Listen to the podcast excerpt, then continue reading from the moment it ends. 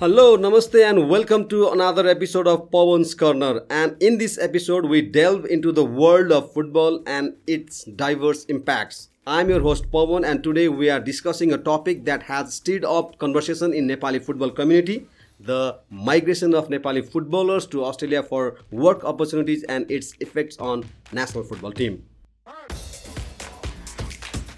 In recent years, there has been a noticeable trend of Nepali footballers leaving their home country to seek better job prospects in Australia. Till date, the number is up to two dozen and it's increasing.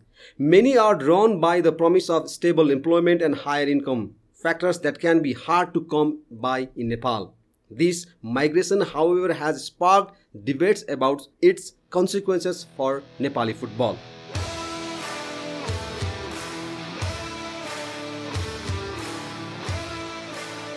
The impact of national football team has been a point of concern. With players leaving for overseas job, the depth of talent available for national team selection has been affected. The absence of key players in the crucial matches can weaken the team's performance and disrupt its chemistry on the field.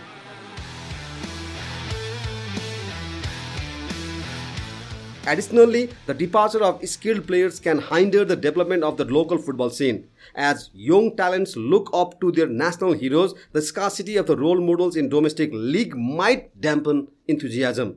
The lack of strong competition can also hinder the growth of emerging players who need experienced opponents to elevate their skills.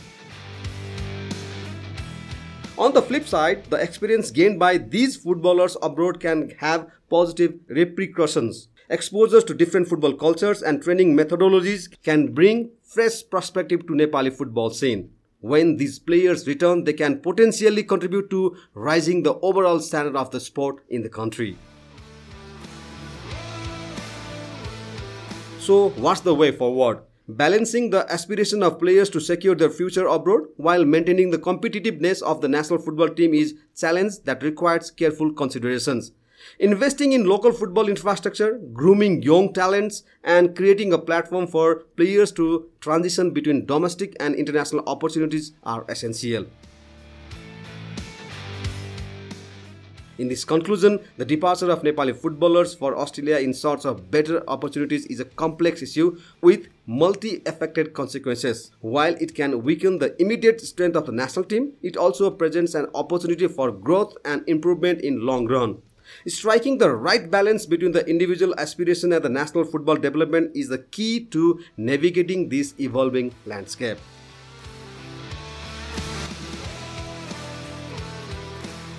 Thank you for tuning into the episode of Pawan's Corner. Keep following us for more engaging discussion on every related topic and ever evolving world of football. Until next time, this is your host Pawan signing off. Namaste, goodbye.